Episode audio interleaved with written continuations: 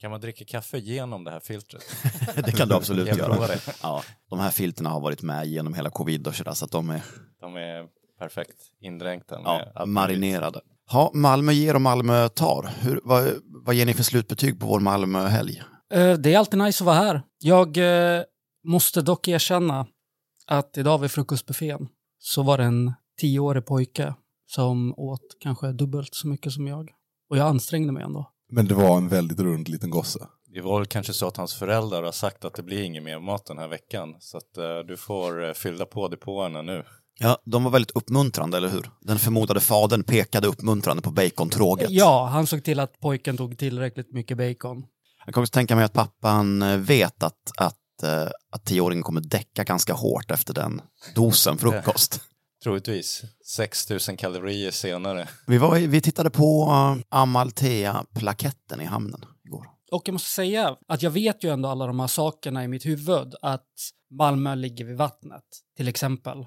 Men det är en helt annan sak att gå där och bara, men fuck, Malmö är ju typ som Barcelona. Alltså att det har stränder och sånt.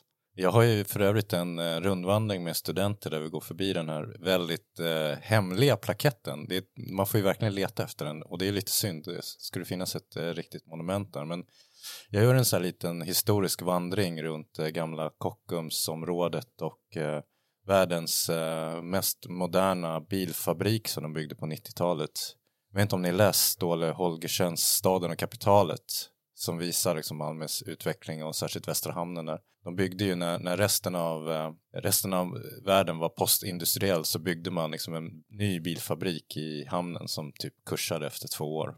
Liksom staten och kommunen sköt in massor med pengar. Eh, Så att vi går liksom i spåren av den och så tycker jag att det är liksom schysst att avsluta med arbetarhistoria eh, med Amatea där. Det är, det är en trevlig tripp runt den bassängen där som, som kanske kommer försvinna ser det ut som de håller på att bygga där. Vad är det där för stor eh, silo som står där nere? Är det något jättebageri eller? Det är lantmännen som har, det är kvarnar, de kommer dit med, det är det, det, är det som också är kul för man ser alla faser i, i en stads utveckling från att det har varit en handelsstad där bönder har kommit in och sålt sina varor på marknaden till eh, industristad till postindustri och, och de här kvarnarna är ju spår efter den här allra första typen av stad. Och det är väl, jag, jag tror att det sägs att Malmö har försökt köpa det där området av Lantmännen men Lantmännen är en ganska rik organisation så de säger väl bara nej, här ska vi, eh, här ska vi vara kvar. De eh, förvarar fortfarande korn och sånt där. De kommer och dumpar sin Ja, ja. skit där i silon. Ja, ja. Jajamän. Ah, Eh, nice. De, de eh, kommer dit, eh, dumpar och sen mals det och sen förpackas och körs ut igen. Så att den är fullt, eh, i- fullt i bruk. Väldigt fin byggnad. Sen satt vi på pizzeria Rex på kvällen. Jag, jag och Gaspar gick förbi Färska Prinsen på Möllan också. Vi blev båda knäsvaga. Som Mm. en viktig profil för oss. Sen träffade vi eh, Mats. Så vi, behöver inte, vi kan censurera Mats lite grann, men Mats, en cool sjuk före detta sjöman i, vad säger, ska jag säga, 70 plus eller? Ja, 75 måste vara, Ja. tror jag. Det var, jag tyckte att det var så otroligt, det var malmöitiskt gjort av honom, att han bodde någon annanstans. Han bodde inte i närheten. Men så hade han läst i Sydsvenskan att Pizzeria Rex var den sunkigaste puben i Malmö stad. Och då tänkte han, ja, plockade han ut busskortet och så, ja, Komintern.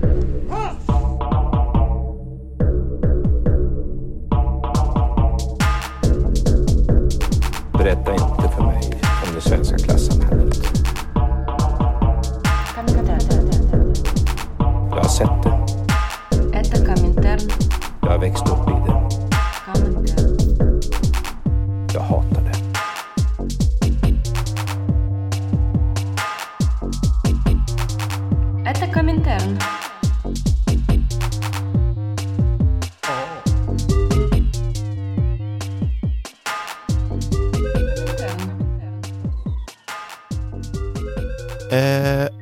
studion, Gaspar, Ryan, Andreas och Fredrik Edin. Yes. Vår mästergäst, Fantastiskt. konstaterade vi. Kul att vara tillbaka. Ja, det Vi kör ungefär med ett års eh, mellanrum här. När vi avslutade sist så pratade vi om ditt år av att inkorporera ond teknologi. Ja, Ja, vill du, är det dags att, har du några avslutande ord? Hur gick det? Alltså jag håller väl fortfarande på lite grann. Jag har försökt lägga till så mycket eh, teknologi som möjligt men det känns som att eh, det, går inte tillräckligt fort. Eh, den teknologiska utvecklingen. Jag hade hoppats att sådana här glasögon, att den tekniken hade kommit längre men det, det, det men jag har försökt lägga på så många, använda så många appar och maskiner som möjligt under året och jag har väl jag håller väl på att skriva någon typ av avslutning på det där. I år tänkte jag matcha det med att eh, prova olika lägen och bland annat försöka vara så improduktiv som möjligt under perioder. Hibernera. Det kommer gå ännu sämre men jag, jag, jag tänker försöka. Ska du hibernera som en björn då, att du äter gigantiska mängder och sen lever av de fettreserverna, eller tänker du mer som ett björndjur? Att du bara upphör med metabolismen, eller? Alltså det, jag, jag experimenterar ju med olika former av fasta så det är nog det här att jag, jag äter kopiösa mängder under en kort period och sen äter jag inte någonting på jättelänge. Och vad betyder imp, hur mäter du produktivitet kontra improduktivitet? Är det värdeskapande aktiviteter eller är det... Alltså det blir ju, ja ja, men definitivt värdeskapande aktiviteter. Jag, jag får ju börja på något sätt med att definiera vad, vad som är värdeskapande aktiviteter och, och experimentera lite. Det kommer ju såklart bli en subjektiv bedömning men jag, jag vill spekulera i så här, när är jag som minst produktiv och när är jag som mest produktiv och, och framförallt så här, kan jag, hur mycket kan jag påverka det här? Jag är lite orolig att jag inte kan påverka det ett dugg nämligen så att eh, eh, det är väl lite det jag försöker finna ut. Vad är liksom min, min produktiva hö, höjdpunkt och vad är liksom absoluta lågvattenmärket och eh, kan jag ta mig dit själv eller är jag någonstans utan att ha någon som helst kontroll över det? Fastan och sådana här grejer, det kan ju påverka själv eh, till viss del. Efter ett tag eh, svälter man ihjäl om man inte äter, men, men eh, det känns ändå som att det har jag lite kontroll över. Sen om den är produktiv eller inte, jag är, jag är orolig för att jag har blivit mer produktiv sen jag började fasta för att jag har, jag brukade få sån haltkoma efter eh, lunchen och ibland var jag helt utslagen under eh, flera timmar. Det har helt försvunnit. Men vad är dina kriterier för produktivitet då? Alltså jag tänker att det är väldigt bred definition att allt som på något sätt skapar värde åt kapitalet är, är produktivitet. Direkt eller indirekt, och det här indirekta är ju det som är, det är det som är faran som man alltid åker dit på. Att tidsforskaren Sarah Shermack beskriver någonting som hon, heter, hon kallar rekalibrering. Det är när man liksom eh, kanske softar ner för att eh, orka jobba hårdare dagen efter. Och det är det jag tänker att man gör, att när man tar det lugnt ett tag så blir man, det leder i längden till att man blir mer produktiv istället. Att, att öppna YouTube-appen på mobilen, då, liksom, då tittar man på, direkt. på reklam och sådär. Man, blir, man, så fort man öppnar mobilen så har man förlorat. Eh, och sen har man ju, jag har ju sådana här klockor och, så, och det är ju liksom en, en passiv produktivitet. Den, behöver jag ju, den tankar ju mig på, på data även eh, när jag inte gör någonting, när jag sover till och med. Så att det är ju, eh, den typen av teknologi är ju liksom steget före. Man beh- behövs inte den här aktiva handlingen att öppna och öppna någon app och börja kolla på reklam. För är, är inte förra årets projekt, ond teknologi, eh, handlar inte om teknologi jättemycket om de olika sätten för kapitalet att suga värde ur exakt allt, varje sekund, varje... Jo men precis, att, det är, att vi, vi liknar, jag, de som känner mig vet ju att jag har liksom Matrix som bild på för, för hur samhället fungerar på gott och ont. Och, och jag menar det, det är ju verkligen så att man ligger i, i man kan ligga i en sån där eh, kokong och liksom bli tankad på värde utan att som, göra någonting egentligen. En, en bekant och trogen lyssnare på podden har eh, opererat in ett, ett sånt här chip i handen Mm. som bara har en funktion. Det är att den startar P3-appen på hans mobil. Så att, så att han på morgonen snabbt ska kunna få på radion. Ja, ja, men det, det är ju fantastiskt. Eh, Jag vet inte om jag berättade det förra gången jag var här. Jag brukar berätta det här för alla. Att, eh, det var ju någon amerikansk företagare som var på någon sorts poolparty på Ibiza. Där eh, de var i typ, det var en festival över en helg. Så de, var, de låg liksom i poolen hela helgen. Och då hade de gjort så på den här festivalen att man kunde skaffa ett sånt chip som man slapp ha med plånboken i poolen. Eh, och han tyckte det var så jäkla praktiskt så han, när han kom tillbaks till sitt företag så försökte han tvinga alla anställda att ha sådana chips som de skulle kunna logga in på datorn och köpa saker i kafeterian och sådär. Jag tror att eh, någon gick till eh, domstol med det här och de sa att men, okej, här går ändå gränsen för vad man får göra med sina anställda.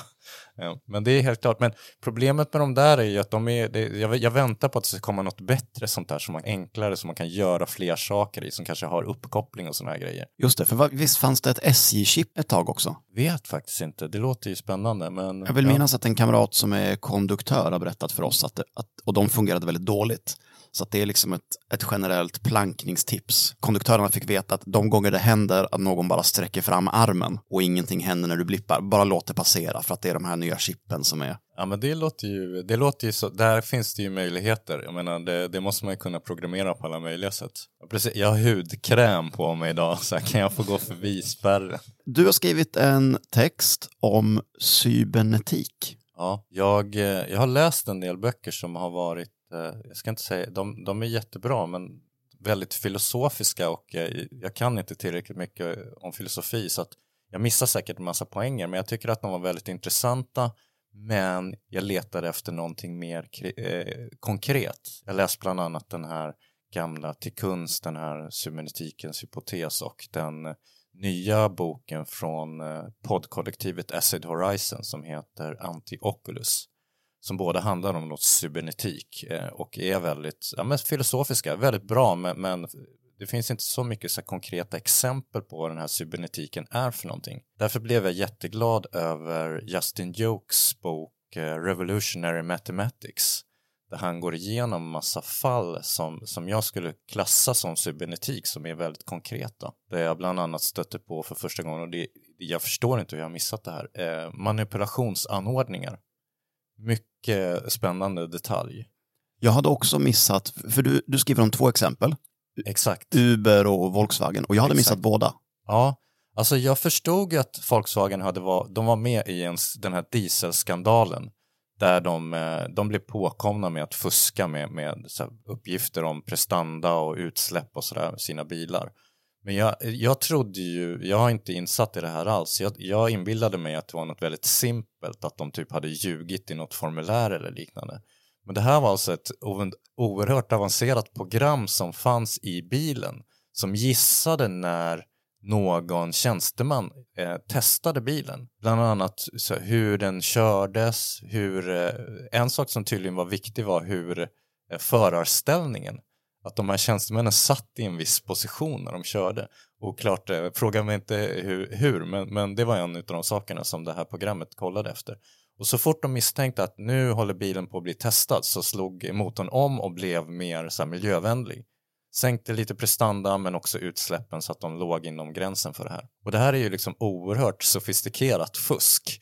Och jag blev både så här förfärad och lite, lite glad över att, att få den här informationen. Uber gjorde ju någonting liknande att de, eh, de hade ett program eller ett system som de kallade Greyball, så alltså gråboll, där de, de har ju inte fått eh, bedriva verksamhet hur som helst på vissa ställen och ibland har de inte fått göra det alls, vilket de har struntat i och istället använt det här gråbollprogrammet. Eh, så det är alltså ett program som, som räknar ut när en tjänsteman som ska kontrollera dem loggar in på Uber så hamnar de inte på riktiga Uber utan ett liksom låtsas-Uber där det finns låtsasbilar. Och för att gissa vilka det är som ska gråbollas så använder de dels så kreditkortsinformation, alltså uppgifterna folk använde när de eh, loggade in och skaffade konto på appen, men också att de följde folk i sociala medier och liknande, kollade var de bodde och allt möjligt sånt. Och sen när det var så här, ja men det här kan mycket väl vara en, en tjänsteman, då hamnar man i det här gråbollprogrammet. I spök-Uber, I som är spök-Uber. exakt kopia men du får aldrig någon bil. Exakt. Ibland så lyckades de här människorna ändå få tag på bilar, men då var det mer så här neka. Då fick föraren så här direkta order att så här, den här personen får du inte köra någonstans. Vilket företag tror ni är mest sannolika att gråbolla er? Jag vet ju att jag lever på gråbollstinder. Det måste vara så. Det finns ingen möjlighet att det ska... Tinder är ju definitivt troligtvis en... Jag tänker att så här, staten gråbollar, alla möjliga, man blir gråbollad hela tiden. Jag tänker att det kan vara till och med så att vi lever i någon, så vi har blivit gråbollade och lever i, ja, nu kommer ju The Matrix-referensen in hela tiden, men att vi lever i en liksom låtsasvärld där vi har, vi lever i liksom spöksamhället där vi har blivit gråbollade och tror att vi spelar in en podd just nu. Jag misstänker att det kan vara så. Det, och det, hem- det hemska är ju att vi lever ju inte... Alltså vi lever i varsin grå liten boll. Och så bara studsar de mot varandra. Och ibland så är det som att våra gråa bollar möts, man lägger en hand på varsin sida och försöker tränga igenom. Precis. Men det går inte. Våra fyra program har sammanstrålat här idag för att göra en podd som kommer att vara olika i våra olika spökvärldar. Jag tror Ryan blir gråbollad av alla sina saker. Nycklar, Det plånbok, kort. Ja. Konstant byter de plats och försvinner i tomma intet. Men det är bara ett eteralt skimmer, alla mina ägodelar, som så fort man försöker ta på dem så är de borta. Det låter ju helt klart som en sån, sån grej. Men om vi ska vara helt allvarliga så är ju till exempel någonting som jag funderar på är ju betalningsanmärkningar är ju ett sätt att gråbolla människor. Att de överhuvudtaget är, är tillåtna är ju ett eh, mysterium. För det är ju, många tror ju att det är Kronofogden som, som eh, driver det här systemet men det är ju liksom en helt privat form av, av rättsskipning. Och det är ju ett sätt att gråbolla människor från att kunna ta lån och köpa saker på kredit eller någonting. Man, man, det dyker upp en varning i systemet att den här personen är inte kreditvärdig, den kommer inte betala tillbaks. Eh, låt inte personer köpa tvn på avbetalning för att det Då kan man ju prata kanske om vård som gråbollning också, alltså där man ser, där man har journaler eller sjukdomshistorik, vad det nu kan vara. Att alla verksamheter försöker ju skydda sig själva från eh, patienter som enligt något så här kriterie inte passar in att söka vård där, om det exempelvis är primärvården eller eh, psykiatrin eller socialen. Och om man då på något sätt har egenskaper, alltså vilken egenskap som helst som gör att man inte kan söka den vård man vill inom just den verksamheten, om det nu är primärvården, så kommer de försöka att eh, hindra en från att göra det. Det här är psykiatrin, det här är socialen istället. Det här är ingenting som vi kan ta hand om. Absolut, och, och jag menar det finns, ju, eh, det finns ju massa exempel både bra och dåliga på det här men det där är ju helt klart ett sånt. Eh, Jag menar försäkringsbolag har väl något liknande system för att räkna ut hur, vilka, vilken typ av försäkringar man, man kan få teckna och, och vad de kommer att kosta framförallt kanske att det här är någon riskperson som har gjort det här och här tidigare och det är liksom sannolikt att det kommer hända igen. Visst, teckna en försäkring men den kommer bli dyrare. Just det, för de har ju spökdoktorer. Sådana såna doktorer som sitter bakom eh, eh, handläggaren på Försäkringskassan och läser samma, eh, samma journaler, samma sjukdomsbeskrivning som läkaren till en sjukpenningsökande. Ja, men precis som en riktig doktor har skrivit. Nej men exakt och och jag tror att eh, det här är ju eh, bra saker. Ibland tänker jag att sjukvården har nytta av det här att kunna skicka folk till, till liksom rätt platser men jag tänker att så här, den stora faran blir när myndigheter och eh, institutioner får samköra sina register på olika sätt och det kommer ju fler och fler politiska förslag som ja men nu ska den här myndigheten få samköra sina register med den här myndigheten och som vanligt eh, de som har eh, rent mjöl i påsen behöver inte frukta någonting men jag tänker att det här är ju liksom den perfekta myllan för olika typer av gråbollningar som kanske inte kommer vara så trevliga om, eh, om skattemyndigheten och, och eh, sjukvården och eh, polisen och några till instanser samkör sina register så kan det bli eh, ganska obehagligt. Precis, ett brottsregisterutdrag om man ska söka sjukpenning. Så först får man skriva till polisen i Kiruna och be om en fysisk kopia som man kan skicka till Försäkringskassan. Ja, för att det är ju inte så att när jag hör det här att jag tänker, ah okej, men då kommer ju saker och ting effektiviseras och eh, allt kommer gå smidigare, olika myndighetskontakter, utan istället så framstår det som att mekanismerna på statens olika myndigheter kommer bli ännu dunklare och mer svårgenomträngliga och man kommer, det kommer bli ännu mer av liksom en, man kommer bli gråbollad av en svart låda, liksom, där man inte har någon möjlighet att få någon slags insyn eller förståelse i hur liksom, processerna går till. Ja men absolut, och jag menar de blir säkert också effektivare fast på ett väldigt dåligt sätt. Och sen är det ju precis som du säger, det kanske inte ens är människor som gör de här kopplingarna längre utan någon svart låda någonstans som har liksom Ja men när de här tre parametrarna är, är uppfyllda så blir personen av med sitt medborgarskap eller vad det nu kan vara. Och då kanske det inte krävs att du har ett brottsregister eller att du har en, någonting i din journal, utan det kanske räcker att algoritmen upptäcker att du beter dig så som människor som generellt är dömda för brott eller har bokstavskombinationer i sin journal gör. Ja men absolut och det är ju, jag menar det kommer ju den typen av förslag också att man ska kunna visitera folk helt utan eh, brottsmisstanke och, och liknande och varför inte registrera folk helt utan brottsmisstanke och så vidare polisen har ju redan ett spaningsregister som är väldigt så här hemligt och, och, och eh, som jag eh, tänker att det hade ju inte varit så jävla roligt om, om det samkördes med, där det alltså kan vara folk som, som faktiskt inte har begått några brott men, men umgås med fel typer av människor som hamnar. Och det är kanske inte så jävla kul om man söker jobb någonstans och så bara, ja, nej men här dök det upp en varningsflagga för, av någon anledning för att vi har börjat samköra våra register med eh, polisens. Ja, och jag tänker att det som du beskriver med att upptäcka for, att, liksom hur folk eh, är personlighetsmässigt eller så, det gör man ju väl idag med eh, personlighetstest. Man kan inte läsa ut vad någon person är, ifall en person är en röd, grön eller gul person. Eller om personen är en sån, vad heter det, MPF, BGB, alltså sån kombination. Men det man kan göra är ju att se om personer kan ha anlag för någon slags form av neuropsykiatrisk funktionsnedsättning och gråbolla ut dem från ansökningen eh, genom personlighetstest. Ja men absolut. Eh, en, en av böckerna som jag tipsar om där, eh, Virginia Eubanks bok som heter Atomating Automating Inequality tror jag, eller något liknande. Hon beskriver ju massa sådana konkreta fall i USA där det är finns ett helt annat system för hur man får samköra register och liknande. Och visar just hur eh, särskilt fattiga människor och särskilt eh, olika grupper av fattiga övervakas och registreras på olika sätt och sen används den här informationen till allt möjligt från att så här, flagga för att ja, de här barnen kommer säkert att råka illa ut, vi kanske ska omhändertaga dem i förebyggande syfte och, och allt möjligt sånt. Och att man hamnar i någon sorts loop, någon sån här ond cirkel, att man blir märkt av en myndighet och sen förs det över till någon annan och sen liksom kommer man inte ut eh, därifrån utan att det leder till att fattiga blir ännu fattigare för att de registreras någonstans som så här fattiga, opolitliga, arbetsskygga eller dåliga föräldrar eller vad det nu kan vara. En av frågorna som du ställer dig i texten är, eh, efter de här exemplen, Uber och Volkswagen, är, kan man tala om stora cybernetiska system och lever vi i dem? Vad är cyberteknik? Eh, För att jag tänker ju på, jag tänker på cyborg, men det kanske är för att det låter som cyborgs. Alltså bara, ja. Det, det är precis samma ord. Det, det kommer ju från eh, grekiskan och det betyder, cy- cybernetik betyder någon styrsystem eller liknande. Rorsman bokstavligt tror jag det är. Så att det, det är egentligen samma, eh, cyborg är ju en förkortning av cybernetisk organism. Att det, är- det är liksom en, en styrd eh, Eh, styrd varelse på något vis. Man använder det för att beskriva kommunikation i, i större system, att hur man arbetar med signaler som ger en viss typ av ganska begränsat antal typer av respons.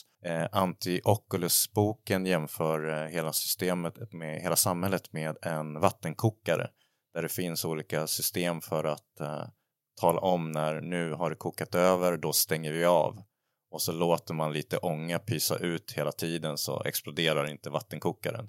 Eh, och det, är en, det, det beskriver de som- det är ett litet cybernetiskt system. Det skickar en signal att så, nu är det dags att eh, koka upp vattnet och, och sen kommer en ny signal som eh, säger till att nu stänger vi av. Eh, och så släpper vi ut den här ångan i form av, eh, i ett samhälle i form av protester och missnöjen och liknande på, på lite så lagom nivå så att den inte exploderar. Det måste pysa ut men inte för mycket. Jag ju, ska ju föreställa i alla fall mediaforskare och inom mediaforskningen har sådana cybernetiska teorier avfärdats i ganska stor utsträckning för att de är just ganska statiska. Att det är en signal kan ge två, tre kanske typer av respons och eh, effekter.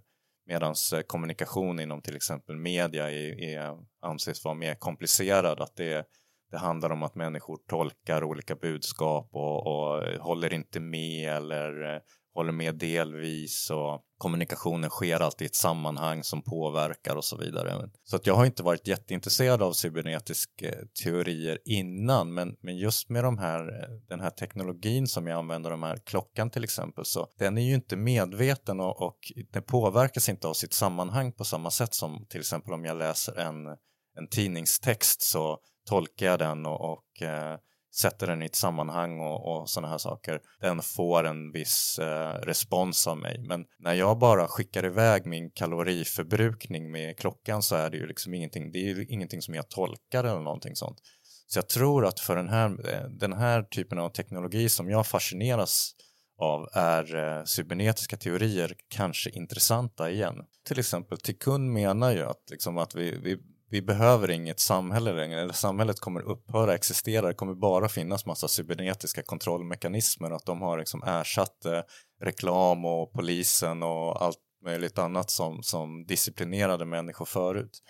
Och eh, jag tänker att det kanske är på den vägen vi är på väg mot att man blir just styrd av sådana här, man blir gråbollad på olika sätt av, av systemet och, och man har egentligen ingen större kontroll över det. Man har egentligen ingen, eh, väldigt få möjligheter att göra motstånd mot det här och att det är, det är ett stort system som, som registrerar och styr och eh, gör det genom att tolka olika signaler som vi medvetet eller omedvetet sänder ut. Alltså våran sociala media-historik eh, korsat med vår kredithistoria, korsat med vår kaloriförbrukning för dagen. Om man har då ett, eh, ett cybernetiskt system och man har vattenkokaren som exempel och sånt, så algoritmer är ett verktyg som används inom cybernetiska system för att automatisera en process av till exempel att exponera en för saker eller Absolut. Eh, frå fråga mig inte hur det fungerar, jag kan absolut ingenting om, om matematik, men, men mycket Helt av det här är ju automatiserat, vilket är både en kanske en bra och en dålig nyhet för att eh, dels så går det att kanske påverka, men det är också så att det är just som den här svarta lådan vi var inne på förut, att det är det är liksom inga, ibland inga människor inblandade. Däremot är människor inblandade när de matar in all den här datan. Det kan vara data som har matats in av till exempel olika myndigheter och som sedan tolkas av maskiner och den här datan är ju oftast är särskilt fascinerande om man läser Virginia Eubanks bok att det är, den är ofta så här rasistisk, fördomsfull och liksom problematisk på alla möjliga sätt. Det matas in i ett system där sen algoritmer avgör om man typ får köpa en eh, tv på avbetalning eller inte eller om man kan bli sjukskriven och hur länge, om man får teckna försäkringar, om man eh, eh är lämplig för vissa jobb och liknande. Och sen pekar skyldig myndighet tillbaka mot systemet och säger att ja, det är bara ett helt objektivt system. Absolut. Eh, Det, den har, det, det, är inte, det har inte blivit utsatt för någon slags rasism här. Det, det är bara så att, Den svarta lådan är inte rasist. nej precis, det kan ju inte vara, det är ju bara en maskin. det gå till, liksom? Ja, precis. Ja, nej, visst. Det är paranoia. Ja. Och som vanligt det här, alltså rent mjöl i påsen, då behöver du inte frukta det här på något vis. Det är intressant för vi pratade med Viktor Pressfeldt igår om eh, nyliberalism och eh, de har ju den här, eh, de har ju en fundamental ontologisk teori om hur, människa, alltså hur människan är i världen. Och det är ju att vi är varelser som skickar ut signaler av... Eh, men vår främsta egenskap är konsumtion, alltså en efterfrågan. Men vi är ju inte det egentligen. Vi är ju mycket mer komplicerade. Men det man ser nu är ju att man eh, gör en slags form av, vad heter det, ascension, en upphöjning av människan. Eftersom vi inte är den nyliberala varelsen så skapar de den nyliberala varelsen med eh, teknik som de antingen opererar in i oss. Vi blir liksom Milton Friedmans eh, subjekt liksom. Dra på kranen, tanka människor eh, helt eh, mot, eller utan att de ens vet om det på konsumtionsvilja. Och det är så jävla trist, för att den coola vägen att gå är ju att ge oss typ sådana gräshoppsben som gör att vi kan hoppa över byggnader eller sådana gigantiska metallarmar så att vi kan slå igenom väggar. Men de väljer verkligen den tråkigaste typen av liksom Eh, nu, nu är jag väldigt inne på vad är det, så här, kroppsmodifikationer, men det är väl ett chip också på sätt och vis. Alltså för att det skickar ut signaler som på något sätt ska vara en tolkning av våran vilja som sen kan användas i systemen. Det, Ja, det är nog inte fantasin som styr utan så här helt andra, liksom mycket dystrare eh, grejer. Men, men där tänker jag också att okej, eh, okay, om vi nu har det här systemet som är tråkigt, vi får inga, inga robotben eller någonting kul alls utan vi bara tankas på, på liksom, eh, data om våra kroppar och, och vad vi gillar att handla och sådär. Men alltså hur gör man motstånd i det här systemet?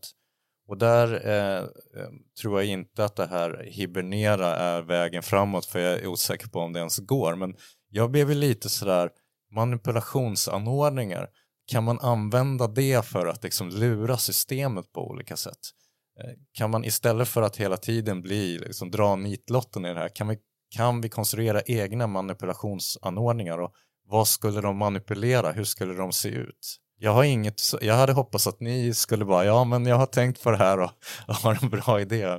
Nej, jag tror inte att jag har det. Det är en väldigt bra fråga, för jag, Acid Horizon, Acid Horizon. just det, för de, motståndsstrategin som de föreslår är ju flykt, eller hur? Ja men precis, eller åtminstone anonymitet, att man, man liksom inte låter sig kategoriseras eller registreras på olika sätt, vilket är, det är lite åt hibernera-hållet, att det är så här, man, man gör ett sorts passivt undflyende motstånd. Det är att flytta ut på landet och bli självförsörjande. Ja, men jag tänker att Una-bombaren är, var anonym väldigt länge i alla fall. Eh, och så kanske man inte, jag kommer ihåg att jag en gång sa till en kompis att eh, men fan, jag har lust att bara göra en Una-bombaren och flytta ut i, i en, en koja i skogen, varpå han sa det är bara du som kommer tycka det är tråkigt. Nej, det är inte sant.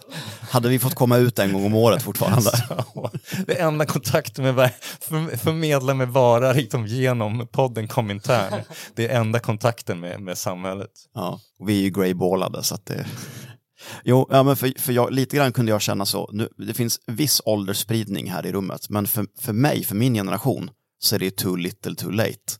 Eller jag har ju matat systemet med all information om mig i hela mitt liv. Jag kan inte dra mig undan. Jag skulle kunna flytta ut i skogen, men informationen om vem jag är, den har jag tacksamt spridit i, i cyberrymden och till berörda myndigheter. Nu kommer du dessutom vara borta två år. Då kommer de se, okej, okay, du har inte handlat, du har inte köpt någonting med ditt kreditkort på två år. Har du suttit inne kommer ju vara liksom slutsatsen. Den, den svarta lådan drar om dina förehavanden på så att, eh, ja, alltså det är ju svårt det där, men eh, det är väl en, eh, jag vet ingenting om terrorism, men, men det är väl en, så här, en strategi folk har att de slutar vara digitala, att de blir helt analoga istället och börjar använda allt möjligt från kurirer till brevduvor för att just, det är, det, det är för övermäktig motståndare, det, de är för övervakade, mot, fienden har för stora resurser när det gäller den digitala världen. Men, men där tänker jag så här, men låt oss träda in i den här världen och eh, stap, skapa manipulationsanordningar. Så att istället för att eh, min till exempel arbetsgivare ser mig och kan gråbolla mig så gråbollar jag min arbetsgivare så att de får se en spökversion av mig som är sjukt produktiv och bara vad duktig du har varit på jobbet idag. Eh, så har jag gjort någonting, har jag hibernerat under tiden. Jag, jag tänker till exempel på äh, äh, människor som lever pappers, alltså, ja, under jord, liksom, papperslösa. Det finns ju en, en hyfsat stor liksom, sån grupp i svenska större städer. Eh, och då misstänker jag att det, det är den gruppen som behöver hantera det här mest, eller som, där, där den här problematiken blir mest akut. Liksom. Hur, hur, hur fixar jag vård om jag blir sjuk? Hur, eh, hur hanterar jag olika, liksom, eh, så här, om jag behöver fixa ett körkort och sådana saker. Då, då, då stöter de ju ihop, eller de stångas med det här systemet hela tiden. De måste undvika det och sådär. Och jag antar att det finns en, en, en rik flora av motståndsstrategier liksom, där. Det är bara det att det ligger ju liksom i deras intresse att de strategierna inte är välkända. Ja, eh, därför att så fort de blir det, om det hade suttit eh, någon jäkla tjomme i en, eh, i en podcast och liksom berättat om hur man hackar ett, ett bankkort eller vad det nu är, eller hur man fixar det utan att, eller du vet så hur man, hur man löser kryptovaluta för att kunna jag vet inte, så finns det den här körskolan i, i Frölunda som man kan som få ett körkort. bitcoins. Ja men exakt, kan, precis. Då, så det kanske inte är så konstigt att vi inte sitter på jättemycket sådana liksom, tips och tricks. Vi kanske inte borde göra det, kanske om vi hade gjort det borde vi inte ens berättat om det. Liksom. Det blir väl liksom, man får mixa och matcha lite antar jag. Du får både ha så här inte finnas på Facebook, och, men samtidigt, jag vet inte, använda, använda bitcoin för att göra så här, transaktioner. Ja men precis, för att för de här människorna är det ju livsnödvändighet att då och då komma i kontakt med systemet för att man kan bli sjuk eller behöva stöd eller hjälp på olika sätt. För, för mig är det mer liksom en någon sorts eh, lyxig hobby att jag provar grejer från ett helt annat håll utan att egentligen ha det här behov, annat behov än att, än att jag är nyfiken. Så det, det, dels finns ju den skillnaden, precis som den här författaren till, eh, som, vars namn jag aldrig kan eh, uttala, som eh, sysslar med att hibernera. Det ju, kan ju hon göra, den, hur, karaktären i hennes bok är ju nästan ekonomiskt oberoende, så hon kan ju vara liksom improduktiv. Eh, för, för, andra människor så är ju det här bara liksom, kanske till och med troligtvis provocerande att så här, ja men jag ska försöka ducka systemet medan de måste komma i kontakt med systemet för att de är sjuka eller eh, väldigt få människor kan hibernera eh, för att de, eh, man är tvungen att gå till jobbet. Det är liksom själva idén med kapitalismen är att tvinga att folk inte ska ha några andra alternativ, att man inte ska kunna hibernera. Så det är ju två helt olika världar egentligen. Men jag tänker ändå att det borde finnas, om inte annat för att lära sig hur systemet fungerar, att veta, så här, förstå, nu har jag blivit gråbollad här Eh, jag förstår hur det här funkar och kanske kan åtminstone parera det här lite grann. Vi kanske inte kommer så långt till effektiva manipulationsanordningar eller jag hoppas att det finns de som har kommit jättelångt med det här och använder det på, på väldigt bra sätt men även om vi inte kommer hela vägen så kanske vi kommer att kunna förstå så nu har jag blivit gråbollad, vad kan jag göra då? Frågan är om det inte vore bättre för dig Gaspar att ha liksom ett, att ha en spökpersonlighet online. Alltså på något sätt ett Facebook-konto som bara följer Eurovision och som bara är så Gillar du raggmunk med fläsk? Gilla och dela och så har du kommenterat en så gråtskratt-smiley. En helt reko typ. En generisk eh, liksom e-persona. Jo. Nu är vi återigen inne på Tinder märker jag att det är liksom, jag vet inte så det funkar, att man så här, ger en helt annan bild av sig själv som inte kanske är helt förankrad. Har någon av er läst, jag tror att den heter De bortglömda drömmarnas ö. Jag tror att det är att betrakta som en japansk klassiker. Och de säger inte så mycket om vad för teknik som ligger bakom plotten. Men, men eh, premissen är att det är en ö, en, en isolerad plats och eh, makten förbjuder föremål. Och det börjar med politiskt laddade föremål och sånt där som blir förbjudna, beslagtagna och sen också som någon typ av magi eller så här kollektiv överenskommelse också bortglömda. Ingen minns dem längre. Och det är förstås, man kan leva med det till en början, man kan hitta strategier för att komma runt att man inte längre minns X eller Y. Tills fåglarna i skyn försvinner och ingen längre kommer ihåg dem. Och till slut så börjar också kroppsdelar att försvinna och glömmas bort. Jag- tänkte, för jag tänkte på det vi talar om nu, att det är, just nu i samhället så är det ju en grupp, eh, eller det är vissa grupper som är akut utsatta för den här, liksom, eh, det här kontrollnätet. Men det är ju, vi lever ju i en ett tidevarv där liksom, samhället blir auktoritärare i en rasande takt. Och det är klart att vi måste förstå de mekanismerna genom vilket det sker. Därför att eh, det kanske inte nödvändigtvis blir genom liksom, blankpolerade ridstövlar upp och ner för gatorna, utan det finns ju andra, andra sätt det här kan ta sig uttryck också. Registrering av, av människor av alla möjliga olika skäl tror jag blir vanligare. Och också som vi varit inne på tidigare att flera myndigheter och kanske andra organisationer har möjlighet att få tillgång till varandras register. Jag menar hur länge dröjer det innan man till exempel blir märkt för sin eh, religiösa tillhörighet eller politiska uppfattning eh, liknande. Men det här förekommer ju, alltså folk har ju i Sverige varit registrerade som exempelvis kommunister och, och, och sånt historiskt också men det, det är någonting som jag eh, misstänker kommer att eh, komma tillbaka. Alltså det låter ju som att motståndet mot det här äh, inte ska ske inom, eh, jag menar inte att det ska vara en flykt, men bara alltså en vanlig fucking jävla politisk kamp av att eh, ja, men försöka organisera kring frågor där man märker att, att man försöker automatisera processer. Eh, för att det har ju varit diskussioner till exempel om sådana saker som att arbetsköpare begär ut belastningsregister för att söka jobb. Det har varit frågor om personlighetstest vid... eh, Och det här är ju på slentrian nu. Alltså nu behöver du inte begära ut ett utdrag längre. Nu kan du ju, vad heter det, på någon av de tjej, mer eller mindre shady hemsidorna där det står listat redan. Ja, Ryan dömd för brott. Vill du se vad? Betala 19 kronor. Sättet att undkomma det kanske inte ska vara att försöka dölja sin information och leva ett parallellt äh, gilla fläsk och raggmunka-liv och sen äh, äh, liksom sp sp- springa runt och kasta gatsten på liksom, demonstrationer utan att helt enkelt bara försöka bemöta alla de här jävla... För att det sker, de här besluten sker ju någonstans också. Ja men och precis, och det där tror jag är ett första steg att man verkligen sätter sig in i, i hur det här fungerar och inser att, det att de här systemen också hänger ihop. Men annars tycker jag att så här, eh, tyvärr är ju frånvaron av motstånd påfallande. Jag tänker att eh, just det här som vi var inne på tidigare med betalningsanmärkningar. Varför har liksom ingen protesterat mot det här? Det är ju egentligen någon sorts privat brottsregister. Hur kan det här vara tillåtet? Varför är det ingen som säger ifrån? Men, men det är intressant för att om man tänker i ett, i ett tidigare samhälle så bygger man eh, bygger makten pyramider, tempel, eh, man har, låter mäktiga arméer paradera upp och ner för liksom, huvudstädernas gator. Och det är så man skapar den här liksom, eh, känslan av maktlöshet hos populationen genom att visa så här mycket makt har vi. Liksom, hur, hur skulle du, lille lille du, kunna sätta dig upp mot ett system som bygger en så här stor jävla pyramid? Du är ingenting.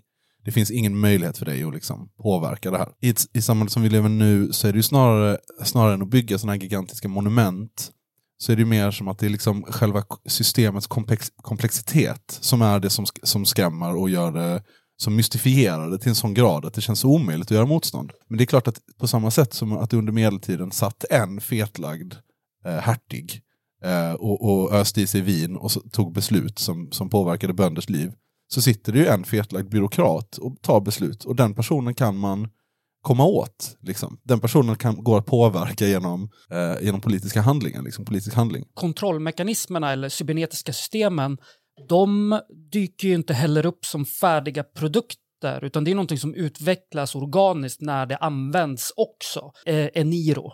Eh, nu pratar vi kanske om personlig information om folk, men i början var det ju liksom telefonnummer. Nu är det adress, telefonnummer, årsinkomst, medelårsinkomst på grannar. Vill du skicka blommor-knappen? Ja, men vill du skicka blommor-knappen? Och eh, medan de här systemen utvecklas så upptäcker ju också folk hur, eh, hur otäcka de är och reagerar emot det. Nu har vi ju Lexbase, läste jag ju häromdagen till exempel. Det är väl den sidan där man kan beställa domar. Att det ska fattas beslut om det ens får existera, får fortsätta existera. För att man ser att det här är väldigt integritetskränkande till exempel. Men när det kom upp så kanske folk tänkte, ja men det här är en skitbra idé. Hur ska folk kunna missbruka det här? Men jag tror att en, en grej som eh, Justin Joke skriver ganska mycket om i Revolutionary Mathematics är att de här systemen oftast eh, presenteras som så här självklara, naturliga, ofarliga, att det är liksom, och jag tror att visst Lexbase är väl undantaget där som, som några i alla fall kan tycka att okej, är det här verkligen så bra? Men till exempel Eniro, vilka har problem med Eniro? Alltså i, i, troligtvis inte alls lika många. Och det är väl också faran med det här att hela det här systemet presenteras visserligen som stort och, och, och liksom svåröverskådligt men också som någonting helt naturligt. Och att det är det som är liksom, man bara accepterar det för att ja, men det är som det ska vara. Jag har det.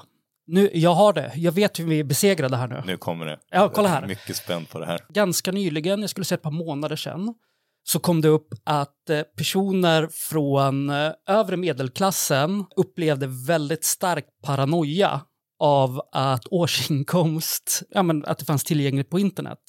Detta förmodligen i spår av tidningarnas rapportering kring att eh, ja, men, rika gubbar blev rånade av 15-åringar på Djursholm på sina klockor och så. Så nu så förs det i alla fall en diskussion om att den här informationen ska tas bort. Och det som utlöste det, man kan ju säga, ja ja, men det är bara en mäktig grupp i samhället. Då, det är klart att de får sin vilja igenom, men det är det inte.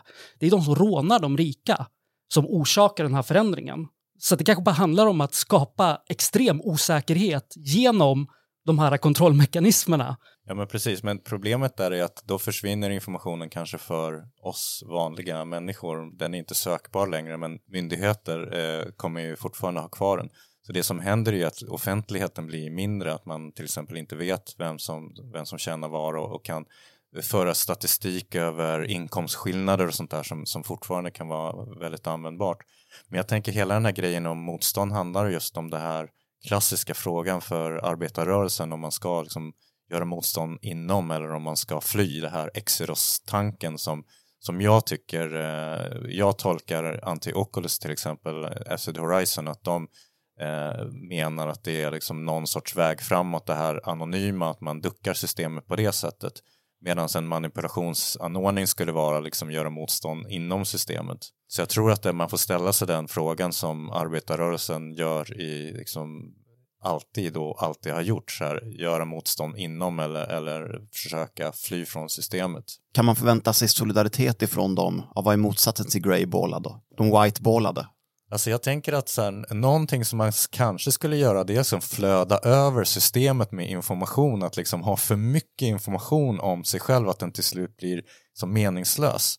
Vi har ju den diskussionen ganska mycket när det gäller AI på universitetet, att så här, det är allt från att folk tänker att nu blir vi arbetslösa allihopa för att eh, kunskap är, är liksom någonting man bara kan eh, få genom att fråga en AI och eh, studenter kommer aldrig mer läsa böcker utan de kommer fråga ChatGPT om liksom svar på frågor och sådär. Och i början var de här AI-texterna väldigt så här, man kunde liksom skapa mer eller mindre akademiska texter för att AI letade reda på en riktig akademisk text och, och kopierade den. Men ju fler sådana här kopior det finns, i större utsträckning kopierar de varandra. Så det blir någon sorts inflation som kommer längre och längre bort från någon sorts riktig text om man ska kalla den så. Och jag tänker att det där skulle ju också kunna vara någon sorts uh, väg utåt, att skapa någon sorts informationsinflation, att det finns liksom för mycket, alltså att det inte går att gråbolla någon för det är för mycket och för motstridig information. Och om vi alla är greyballade, då är ju ingen greyballad. Nej men precis, så att det, det, det kanske är, är snarare en sån. Då har vi så här tre motståndsstrategier. Att vara anonym och fly på olika sätt, att skapa liksom egna, eh, egna spökvärldar med manipulationsanordningar eller flöda över systemet. Och så samtidigt så gör vi oss totalt irrationella genom att pendla mellan de tre hela tiden. Ja men precis, helt värdelösa som konsumenter för att man vet inte vilken typ av re- reklam man ska skicka till den här personen. Jag kan köpa vad som helst, när som helst, hur som helst. Eller ingenting, någonsin. ingenting. Nej, precis. Det, man vet inte. Oj, det är många algoritmer som kommer, många röda lampor som börjar blinka ifall du Gaspar börjar gå runt i Nordstan bara utan att köpa någonting. Mm. Där ska jag inte befinna mig för länge. I spök-Nordstan. Eh, Du nämnde att du hade läst en, en bok som är skriven av, och det här är ju ett svårt namn, Otessa Mo- Morsvägg, tror jag. Eller? Exakt. Ja. Jag, jag vet inte heller hur man uttalar det, men det, det är hon som sysslar med eh, hibernering. Hennes mål är att liksom typ sova bort ett år, gå i, i ID ett år. Eh, och egentligen, alltså det är ju, hon kan ju göra det för att hon har eh, ganska gott om pengar, hon lever på bland annat hyra från sina döda föräldrars hus som hon hyr ut och lite sådana här saker. Eh, men jag tycker ändå boken är liksom, det, det, dels är den väldigt roligt skriven och eh, man kan liksom eh, det är en rolig karaktär. Men jag har, jag har mest använt den för att jag är intresserad av så här, möjligheten till hibernering. Kan man göra det här? Och i sådana fall, vad innebär det? Innebär det att man till exempel slutar producera värde? Jag tror ju tyvärr inte det, men jag vill ändå utforska den eh, marken. Alltså hon svälter väl sig själv mer eller mindre också. Och, genomför det här projektet ganska mycket genom att käka en otroligt potent cocktail av, av tung, liksom så, eh, tunga mediciner. Ja, hon, är ju be, hon är ju behjälpt av någon så här helt omdömeslös psykiatriker som, Som är en väldigt bra karaktär också. Ja, Men jag tänker att om man, är, om man har vissa sociala liksom, relationer ute i livet, sådär, då blir det ju svårt att välja den vägen. Att, eh, att liksom bokstavligen talat gå i det på det sättet som hon gör. Mm, lycka till med det här projektet, det ska bli Ja, jätteintressant. men att- det, det kommer ju, det är såklart eh, en eh, lyxgrej för mig också, precis som det är för henne. Jag, jag kommer ju inte, jag kommer inte lyckas på något vis, men, och jag har också förutsättningar att jag kan hålla på och experimentera med sådana här saker. Men det som, det som fascinerar mig med det här är just den här extremen, att alltså, hon försöker komma till någonting som är helt extremt, att just försvinna under ett år. Alltså är det möjligt? Och vad är motsatsen? Jag försöker hitta de här polerna, precis som eh, jag försöker hitta poler mellan anti-oculus anonymitet och det här vi har pratat om, de här flödena eller manipulationsanordningarna. Vad, vad är liksom extremerna inom det här systemet? Jag kommer att tänka på Erlen Erlend Loe-boken Expedition L, där en av karaktärerna försöker nå vad han kallar för K-punkten. Det vill säga när han bara, han försöker se hur många timmar i sträck man kan sova. Hamnar permanent i sömn, försätter sig själv i koma essentiellt. Det är en liknande tanke liksom. Där man gör den, här, den mest extrema flykten från samhället på något sätt. Det är ju faran där. Är det här en extrem flykt eller rekalibrerar han bara för att kommer han att vakna upp liksom när han har nått den här K-punkten och vara en väldigt så här, produktiv och effektiv människa? Det här kanske gör, han kanske bara så här, finslipar sin, eh, vara en arbetskraft. Men är inte det just en del av den eh, mystifieringen av systemet? Att, att man, man luras till att tro att det är så effektivt, att allt man gör så tänker man alltid att systemet bara, aha, du använder den strategin. Då slipar jag mina algoritmer för att eh, liksom bemöta det. Och man, det är liksom någon, på ett sätt är det ju sofistikerat i det att det kan ja, men, läsa av om någon testkör en bil. Ja, det är ju naturligtvis en ganska sofistikerad grej. Men det finns också massa sätt som den är så jäkla dum på. Alltså man, nu, nu är jag inne i ett sånt skov där jag liksom har raderat alla sociala medier och bla bla bla. Men, men när jag hade till exempel Instagram så slår det mig att liksom den, de förslagen jag får, det flödet, det är så trubbigt också. Liksom. Där kan du gå in i inställningar och titta själv. Vilka rubriker är jag utsatt för nu? Vem är jag som person i algoritmens ögon? Nej, det framstår som väldigt osofistikerat. Det, det är ju osofistikerat än så länge, men jag menar ju mer information eh, det här samlar in och ju mer information vi delar med oss av, desto mer sofistikerade blir de. Alltså det är, systemet är ju jättedumt än så länge. Man får ju ofta reklam för saker som eh, man precis har köpt till exempel. Varför skulle jag vilja köpa det här två timmar senare igen? Det är bara en tidsfråga innan de eh, kan börja läsa av ögonrörelser eller liknande, att man kanske Eh, upphetsas över någonting utan att man ens märker det. Och sen får man reklam eh, en timme senare. Ens händer blir lite varmare när man håller i telefonen och då är det så, okej. Ja men exakt, någonting hände, pulsen gick upp lite grann, pupillerna utvidgades, man började svettas lite grann. Aha, den här tröjan, den slog an någonting hos den här personen. Nu skickar vi in en, en reklam här två dagar senare och man kommer liksom inte bara förstå varför, men man måste köpa den här saken. det, det, det klassiska exemplet som eh, är en, eh, en familj med en dotter i äldre tonåren. Och så helt plötsligt så får, får familjen hem ett sånt eh, nybliven moder-paket från Amazon. Vet, med barnmat och blöjor och sånt där. Någon av föräldrarna i familjen ringer Amazon och är ganska arga. Och bara, vad fan är det här? det finns liksom ingen, det är ingen som är gravid i det här hemmet.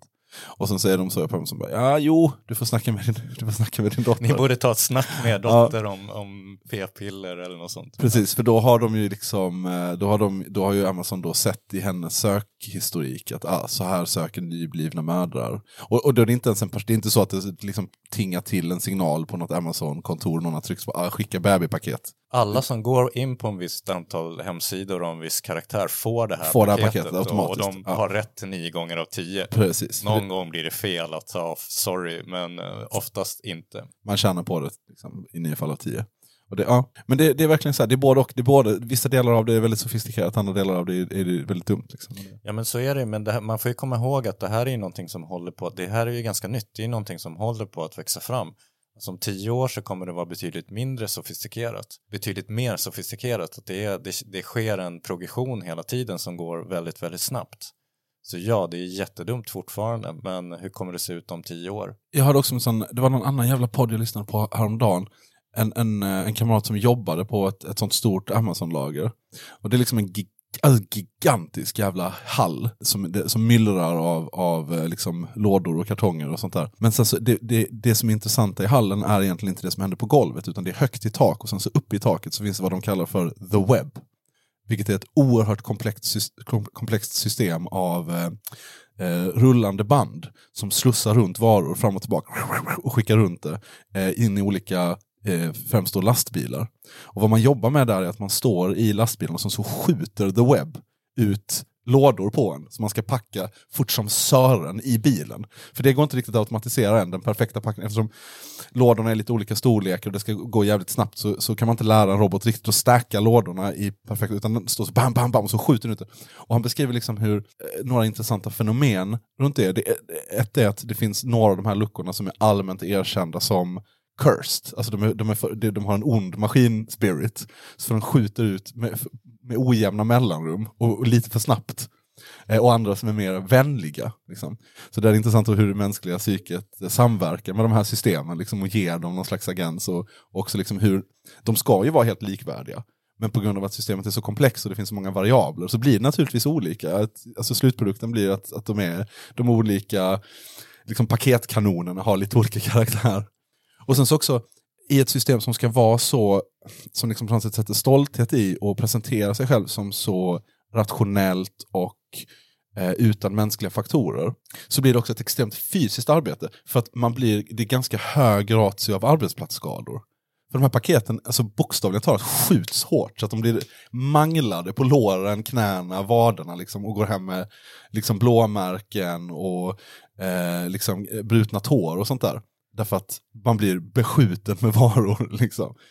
Båda de två tankarna är intressanta och jag tror har någon slags allmängiltighet när man talar om de här, de här, de här temana. Liksom. Under arbetsintervjun där får man spela Tetris i en timme så, och, och en viss poäng för och, Men det är ju det som också, det, det är ju en av de stora poängerna med Justin Jokes uh, bok att uh, de här framstår som neutrala och sådär men de är matade med information som är allt annat än neutral. Vilket kan få just eh, effekten att man kan uppleva som, för det mesta är de neutrala men det finns också exempel på liksom onda maskiner. Det här onda systemet som är, skjuter extra hårt och, och oregelbundet.